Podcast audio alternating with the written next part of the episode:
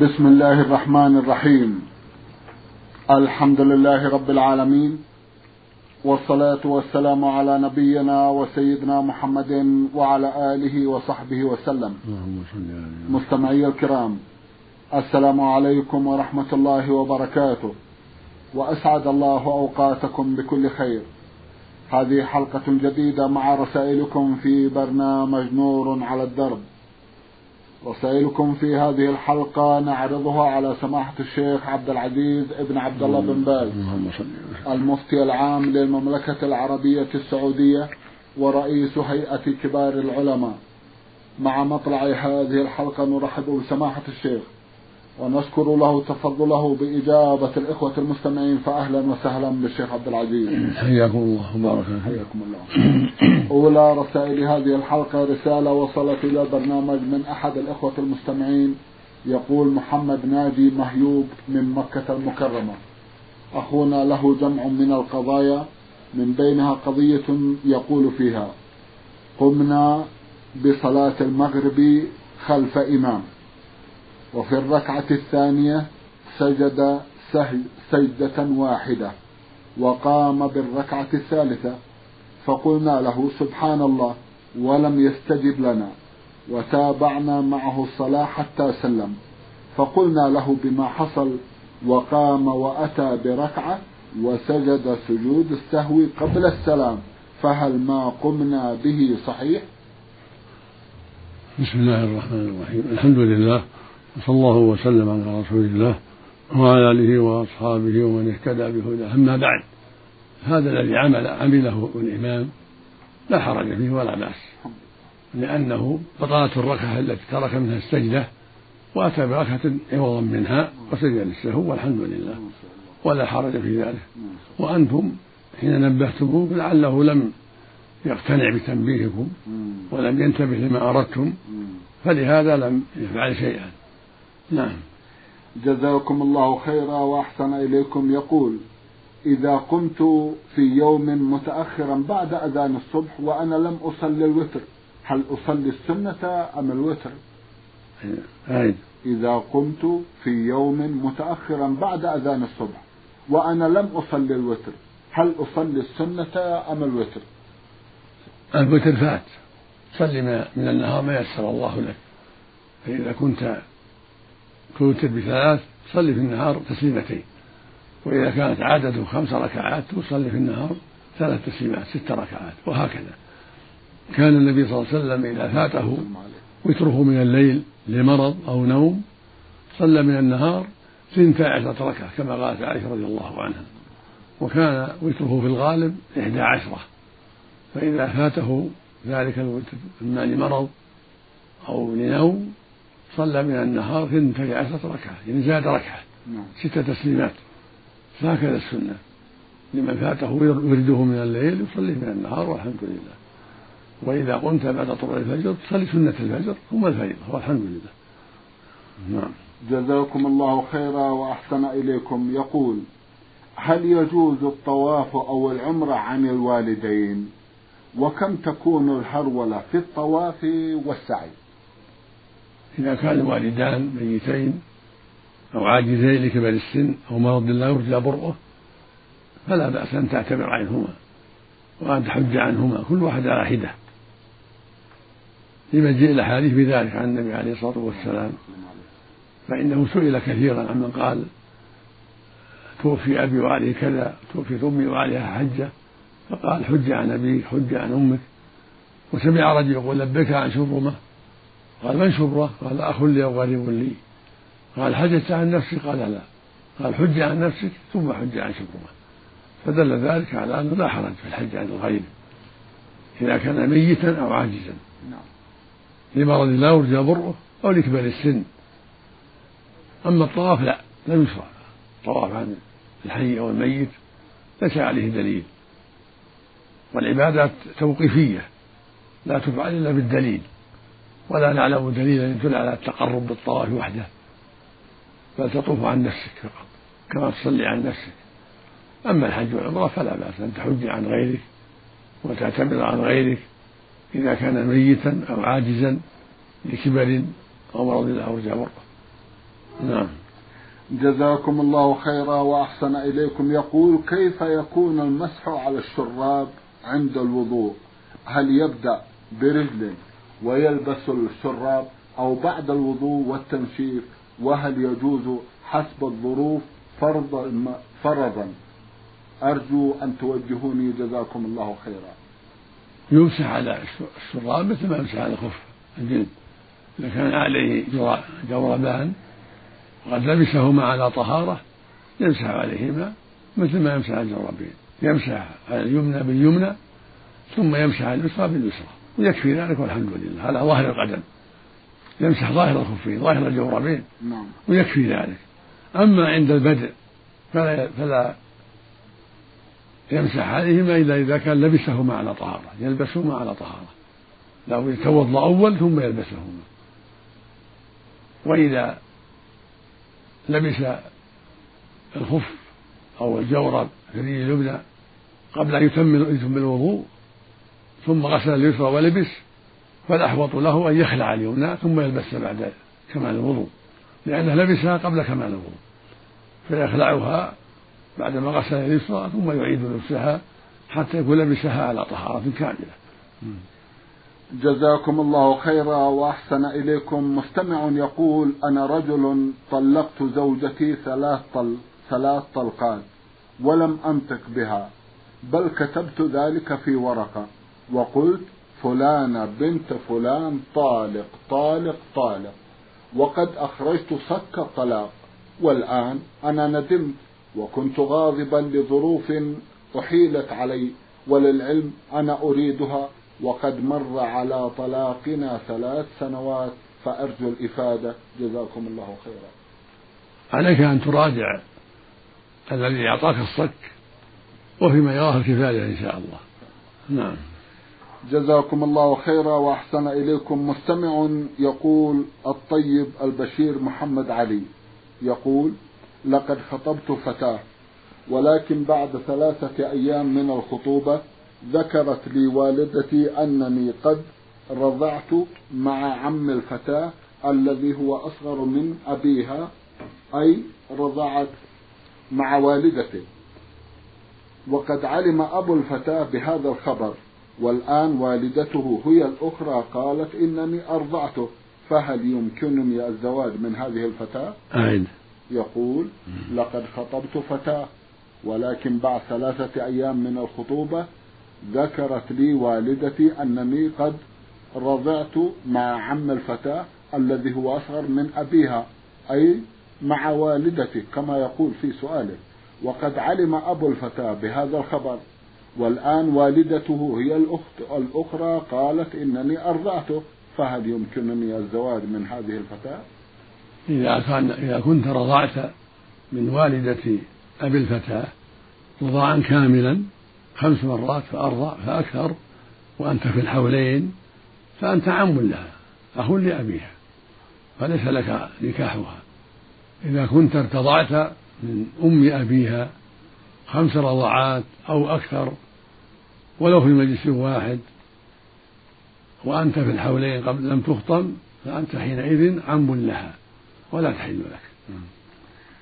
جزاكم الله خيرا وأحسن إليكم. بعد هذا رسالة وصلت إلى البرنامج من أحد الإخوة المستمعين رمز إلى اسمه بالحروف نون سين أخونا يقول إنني مصاب بسلس وأحيانا ينزل مني ماء. بقدر قطرة أو قطرتين. وأحيانا أيضا أصلي بالناس إماما فهل يجوز لي ذلك أو لا؟ جزاكم الله خيرا. يقول إنني مصاب بالسلف وأحيانا ينزل مني قطرة أو قطرتين وأصلي بالناس في بعض الأحيان إماما فهل أستمر في ذلك أو لا؟ جزاكم الله خيرا. إذا كان السلس مستمرا معك وهو خروج الماء البول فلا توضأ إلا إذا دخل الوقت. ثم دخل الوقت توضأ. وإذا توضأت تصلي بهذا الوضوء ما دمت في الوقت مثل المستحاضة. التي أمرها النبي صلى الله عليه وسلم أن توضأ لكل صلاة لأن حدثها دائم وهو خروج الدم. فهكذا من كان بوله مستمرا معه فإنه يتوضأ لكل صلاة.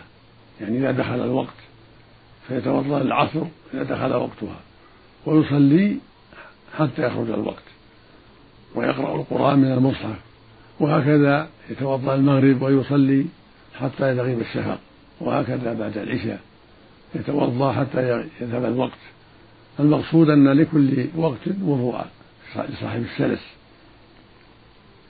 والأحوط لك ألا تصلي بالناس إماما لأن يعني جمع من أهل العلم يرون أنه لا يصلي صاحب السلس إماما بالناس. وإن صليت فالصلاة صحيحة إن شاء الله هذا الصحيح لكن ترك ذلك أولى. نعم. جزاكم الله خيرا وأحسن إليكم بعد هذا رسالة وصلت إلى البرنامج من الجمهورية العربية السورية باعثتها إحدى الأخوات المستمعات تقول عن امرأة أمية لا أعرف القراءة ولا الكتابة. جاءني رجلان من قريتي وقال لي اشهدي على أمر لم أره وذهبنا إلى القاضي وشهدت بذلك علما أنني كنت في سن الخامسة عشرة وغير واعية وغير مدركة لهذا الأمر وحلفت على القرآن هل علي ذنب وإذا كان كذلك فما كفارته جزاكم الله خيرا هايد. تقول إنني امرأة أمية لا أعرف القراءة ولا الكتابة. جاءني رجلان من قريتي وقال لي أن أشهد على أمر لم أره. وذهبنا إلى القاضي وشهدت بذلك علما بأنني كنت في سن الخامسة عشرة غير واعية وغير مدركة لمثل هذا الأمر. وحلفت على القرآن. هل علي ذنب؟ وإذا كان كذلك فما كفارته وجهوني جزاكم الله خيرا. نعم أنت عاصية في هذا العمل. قد أخطأت خطأ كبيرا لأن المسلم لا يشهد بما لا يعلم. الله يقول إلا من شهد بالحق وهم يعلمون. فعليك التوبة إلى الله والرجوع إليه والندم على ما مضى وعدم العودة إلى مثل هذا. وعليك الندم أيضا على يمينك وأنت كاذبة. كل هذا منكر كله لا يجوز. عليك التوبة إلى الله سبحانه وتعالى. وعليك إبلاغ الذي شهدت عنده شهدت عنده إذا كان إذا كانت هذه الشهادة يترتب عليها أمر يختل به حكم الشرع. فعليك أن تبلغي هذا الذي شهدت عنده. كان رضاع تعلمينه لأن شهادتك باطلة حينئذ. إذا كنت شهدت بالرضاع أو أن فلانة أرضعت فلانا فعليك أن تبلغي. المقصود عليك أن تبلغي من شهدت عنده من شهدت عنده أنك شهدت غلطا منك. لم تري ولم تعلمي جزاكم الله خيرا وأحسن إليكم.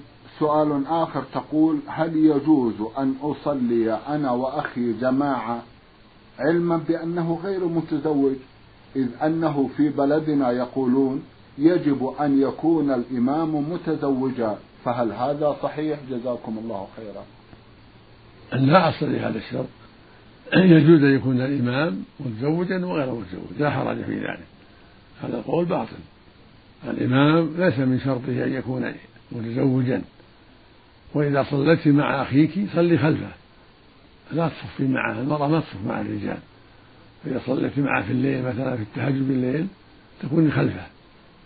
وهو لا يصلي في البيت الفرائض. يلزم يصلي مع الناس الفريضة. ولا يصلي في البيت. وإذا صلى في البيت لأن فاتت الصلاة بسبب نوم أو نحوه أو صلاة النافلة في الليل وصليت معه فلا بأس. لكن لا تقفي عن يمينه ولكن خلفه. نعم. لأن الرسول صلى الله عليه وسلم أمر النساء أن يكن خلف الرجال. وصلت معه أم سليم مع ابنها أنس فصف أنس معه صلى الله عليه وسلم وصفت خلفهم. وفي الحديث الآخر صف أنس واليتيم خلف النبي وهي من ورائهم. نعم. جزاكم الله خيرا. تقول أختنا في سؤالها الأخير هل الرسول صلى الله عليه وسلم قال في أحد أحاديثه إنه كان أحد الأنبياء يخط بالحصى وهل يجوز الآن فعل هذا الأمر؟ جزاكم الله خيرا. نعم أخبر النبي صلى الله عليه وسلم كان هناك نبي يخط أما نحن فليس لنا أن نخط. لأننا لا نعلم الشيء الذي فعله النبي والشيء الذي أجازه الله. فالخطوط الآن اللي يفعلها الناس ضرب من الغيب رجم بالغيب. ولا يجوز تعاطيها ولا فعلها بل يجب ترك ذلك. نعم.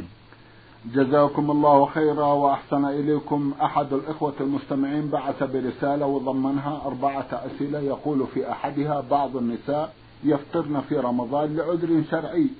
فهل لهن الحق في الأكل والشرب جهارا أم يأكلن سرا ولو أدى ذلك إلى أكثر من ثلاث وجبات؟ جزاكم الله خيرا. من أفطر في رمضان لعذر فإنه يفطر سرا كالمسافر الذي لا يعرف أنه مسافر والمرأة التي لا يعرف أنها حائض. ويكون أكلها سرا وشربها سرا حتى لا تتهم بأنها متساهلة. وحتى لا يتهم الرجل بأنه متساهل بأمر الله. أما إذا كان بين قوم يعرفون حاله أنه مسافر وكانت بين جماعة من النساء يعرفون أنها حائض فلا حرج عليها أن تأكل عندهم وتشرب. لأنهم يعرفون حالها وهكذا المسافر بين قوم يعرفون حاله. أما أن يأكل عند الناس وهم لا يعرفون حاله هذا لا لا ينبغي حينئذ بل الواجب عليه أن يختفي بذلك حتى لا يتهم لا يتهم بالشر. وهكذا المرأة التي لا يعرف من حولها أنها حائض فإنها لا تأكل عندهم ولا تشرب لأن هذا يسبب تهمتها بأنها متساهلة بأمر الله وأنها لا تصوم رمضان. نعم. جزاكم الله خيرا وأحسن إليكم إذا بال طفل صغير على ملابس أبيه فهل يلزم الأب أن يغسل الثوب كله أو يغسل الجزء المبتل فقط. جزاكم الله خيرا. إذا كان الطفل يأكل الطعام يتغذى بالطعام يغسل ما أصاب الثوب غسلا. ولا يغسل ولا يغسل الثوب كله ولكن يغسل ما أصابه البول. وهكذا بقية النجاسات. يغسل محل النجاسة فقط من البدن ومن الثوب ومن البقعة الأرض. وما سوى ذلك طاهر. وأما إن كان الصبي لا يأكل الطعام لا يتغذى بالطعام إنما يتغذى بالحليب باللبن بالرضاع من أمه فإنه لا يجب الغسل. بل يرش مكان البول رشا. يمر عليه الماء فقط ويكفي. يمر عليه الماء من دون حاجة إلى فرك ولا غسل بل إذا مر عليه الماء كفى. لأن النبي صلى الله عليه وسلم بال على ثوبه طفل لا يكبر الطعام فأتبعه الماء ولم يغسله عليه الصلاة والسلام. وقال عليه الصلاة والسلام بول الرضيع الذي لا يكبر الطعام ينضح وبول الجارية يغسل. فبول الغلام الذي لا لا يتغذى بالطعام إنما يرش رشا وينضح محله ويتبع بالماء ويكفي. جزاكم الله خيرا وأحسن إليكم. اشرحوا لنا قول الرسول صلى الله عليه وسلم من ظلم قيد شبر طوقه من سبع أرضين. معناه أن الظالم يتحمل هذا الجزء وما تحته إلى سبع أراضين. ولهذا يقول صلى الله عليه وسلم من ظلم شبرا من الأرض طوقه الله إياه يوم القيامة من سبع أراضين. يعني يجعل طوقا في عنقه ذلك الجزء وما تحته إلى آخر الأرض. وهذا نوع من التعذيب الشديد له بظلمه على بظلمه لأخيه. ويستدل به على أن الأرض إذا ملكها إنسان ملك من تحتها. له أن يحفر ويحفر ويحفر ولو بعد المدى لأنه قد ملك الأرض وما تحتها. بهذا الحديث الصحيح. نعم. جزاكم الله خيرا وأحسن إليكم. ما تفسير الحديث النبوي الذي يبدو أنه مخطئ في نص الحديث سماحه الشيخ؟ نعم. ننتقل إلى سؤال آخر يقول فيه. نعم. يدعي البعض بأن قتل البراغيث أو القمل يبطل الوضوء فهل هذا صحيح؟ ليس بصحيح. لا حرج في ذلك. قتل البرغوث أو قمل أو عقرب عنده حوله يصلي أو حية ضربها وقتلها. النبي صلى الله عليه وسلم قال اقتلوا الأسودين في الصلاة الحية والعقرب كيف يفعل بالفروس والمعوض لا حرج في ذلك. نعم. جزاكم الله خيرا. مم. المستمع ألف شين فا من مكة المكرمة بعث يسأل ويقول أثناء رمي للجمرات شكيت في أربع حصيات. هل وصلت إلى مكان الرمي أو لا؟ فماذا أفعل؟ جزاكم الله خيرا.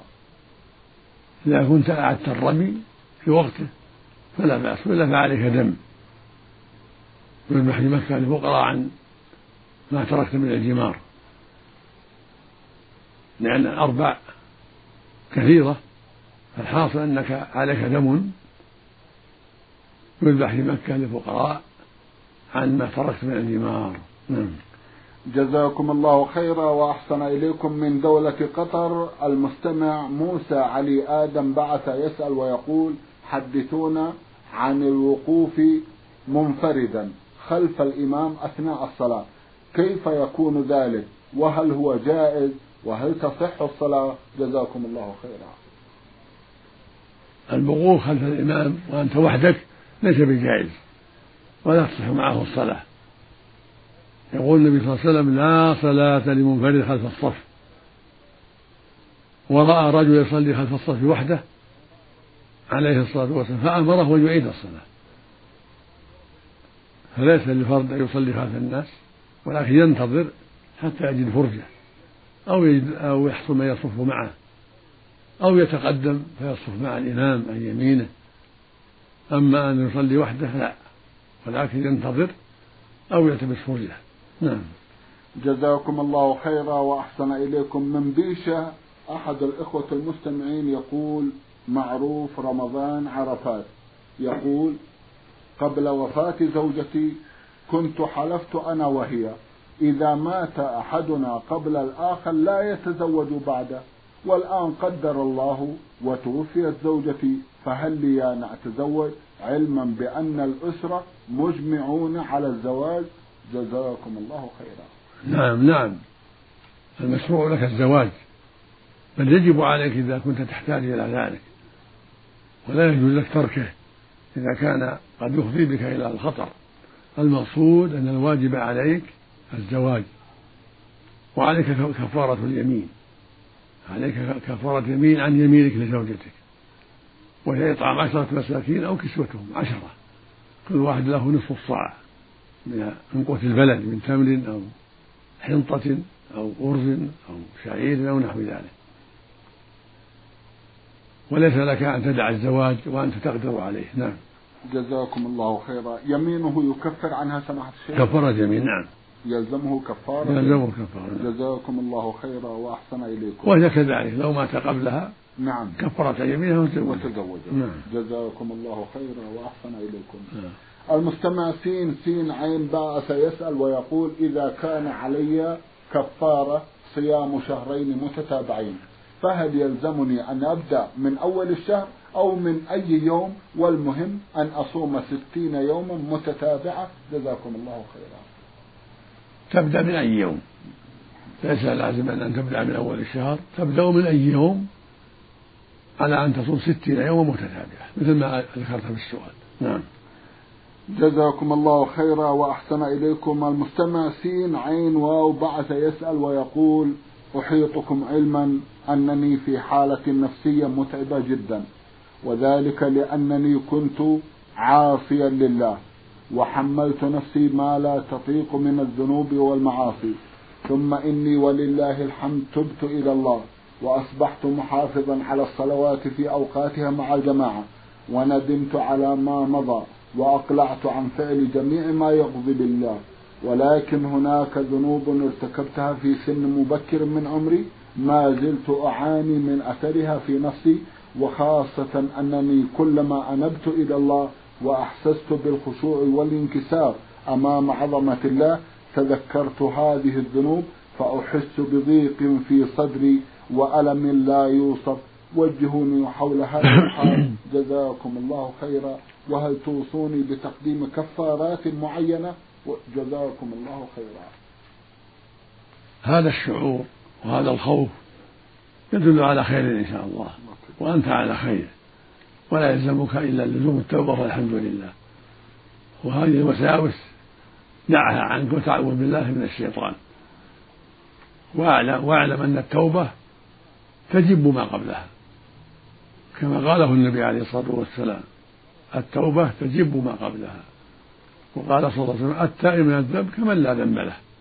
احمد ربك واستقم ودع عنك هذه الوساوس جزاكم الله خيرا وأحسن إليكم. مستمع يقول أسكن في منطقة تكاد تكون بعيدة عن أقرب المساجد مما لا يمكنني من تأدية صلاة الفجر وأقوم بتأديتها في وقتها في المنزل. فهل أنا آثم؟ إذا كان المسجد بعيدا لا تسمع النداء فأنت معذور. أما إذا كنت تسمع النداء لو كانت الأرض يعني متهيئة ما فيها أصوات تمنع ولا فيها شيء يمنع فإنك تسعى إلى المسجد. والمقصود صوت المؤذن من دون مكبر. إذا كنت تسمع الصوت المعتاد عند هدوء الأصوات تسمعه فعليك السعي إلى المسجد. لقول النبي صلى الله عليه وسلم من سمع النداء فلم يأتي فلا صلاة له إلا من عذر. قيل لابن عباس الراوي ما هو العذر؟ قال خوف أو مرض. وجاءه صلى الله عليه وسلم رجل أعمى فقال يا رسول الله ليس لي قائد يقودني المسجد فهل لي من رخصة أن أصلي في بيتي؟ فقال له صلى الله عليه وسلم هل تسمع النداء بالصلاة؟ قال نعم. قال فأجب هذا رجل أعمى أمره النبي أن يجيب وليس له قائد يقوده فكيف بحال البصير القادر؟ المقصود أن عليك الإجابة إذا كنت في محل تسمع فيه النداء فأنت عليك الإجابة. أما إذا كنت بعيدا لا تسمع النداء فلا يلزمك. وإن تجشمت مشقة وصبرت في السيارة أو على قدميك فأنت على خير عظيم. جزاكم الله خيرا وأحسن إليكم. يقول في أثناء تأدية فريضة الحج مرضت مرضا شديدا ارتفاع في درجة الحرارة مع رعشة شديدة مما تعذر معها قيامي برمي الجمار في اليوم الثاني والثالث ولكنني وكلت أحدا يقوم بذلك بالإضافة إلى أنني لم أبت بمنى للسبب نفسه. فهل علي شيء؟ جزاكم الله خيرا. أعد. يقول في أثناء تأديتي لفريضة الحج مرضت مرضا شديدا ارتفاع في درجة الحرارة مع رعشة شديدة مما تعذر معها قيامي برمي الجمار في اليوم الثاني والثالث ولكنني وكلت من يقوم بذلك. بالإضافة إلى أنني لم أبت بمنى للسبب ذاته فهل علي شيء؟ جزاكم الله خيرا. إذا كان الواقع كما ذكرت فليس عليك شيء. الله يقول سبحانه فاتقوا الله ما استطعتم. والوكيل يقوم مقامك في الرمي أما عدم المبيت في منى فإذا كنت تركت ذلك عجزا أو للذهاب إلى الطبيب فلا شيء عليه. والحمد لله. جزاكم الله خيرا. في أحيان كثيرة بل في معظم الأوقات يساورني شعور بأنني مقصر وألوم نفسي جدا لمجرد ترك صلاة الجماعة أو غير ذلك. وأخشى أن الله سبحانه وتعالى لا يغفر لي فماذا أفعل؟ جزاكم الله خيرا. عليك أن تحسن الظن بالله مع التوبة. ما أسلفت من التقصير وعليك الاستمرار في الخير والحذر من وساوس الشيطان ومن طاعة الهوى. وأبشر بالخير أبشر بالخير. فالمقصود الاستقامة والتوبة مما سلف من التقصير مع حسن الظن بالله عز وجل. يقول النبي صلى الله عليه وسلم يقول الله عز وجل أنا عند ظن عبدي بي وأنا معه إذا دعاني. فعليك أن تحسن ظنك بربك وتستقيم على الحق وما مضى من تقصير عليك التوبة إلى الله منه. نعم. جزاكم الله خيرا وأحسن إليكم. سماحة الشيخ في ختام هذا اللقاء أتوجه لكم بالشكر الجزيل بعد شكر الله سبحانه وتعالى على تفضلكم بإجابة الإخوة المستمعين. وآمل أن يتجدد اللقاء وأنتم على خير. نسأل الله ذلك مستمعي الكرام كان لقاؤنا في هذه الحلقة مع سماحة الشيخ عبد العزيز ابن عبد الله بن باز المفتي العام للمملكة العربية السعودية ورئيس هيئة كبار العلماء. شكرا لسماحة الشيخ.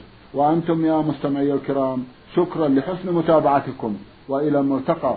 وسلام الله عليكم ورحمته وبركاته.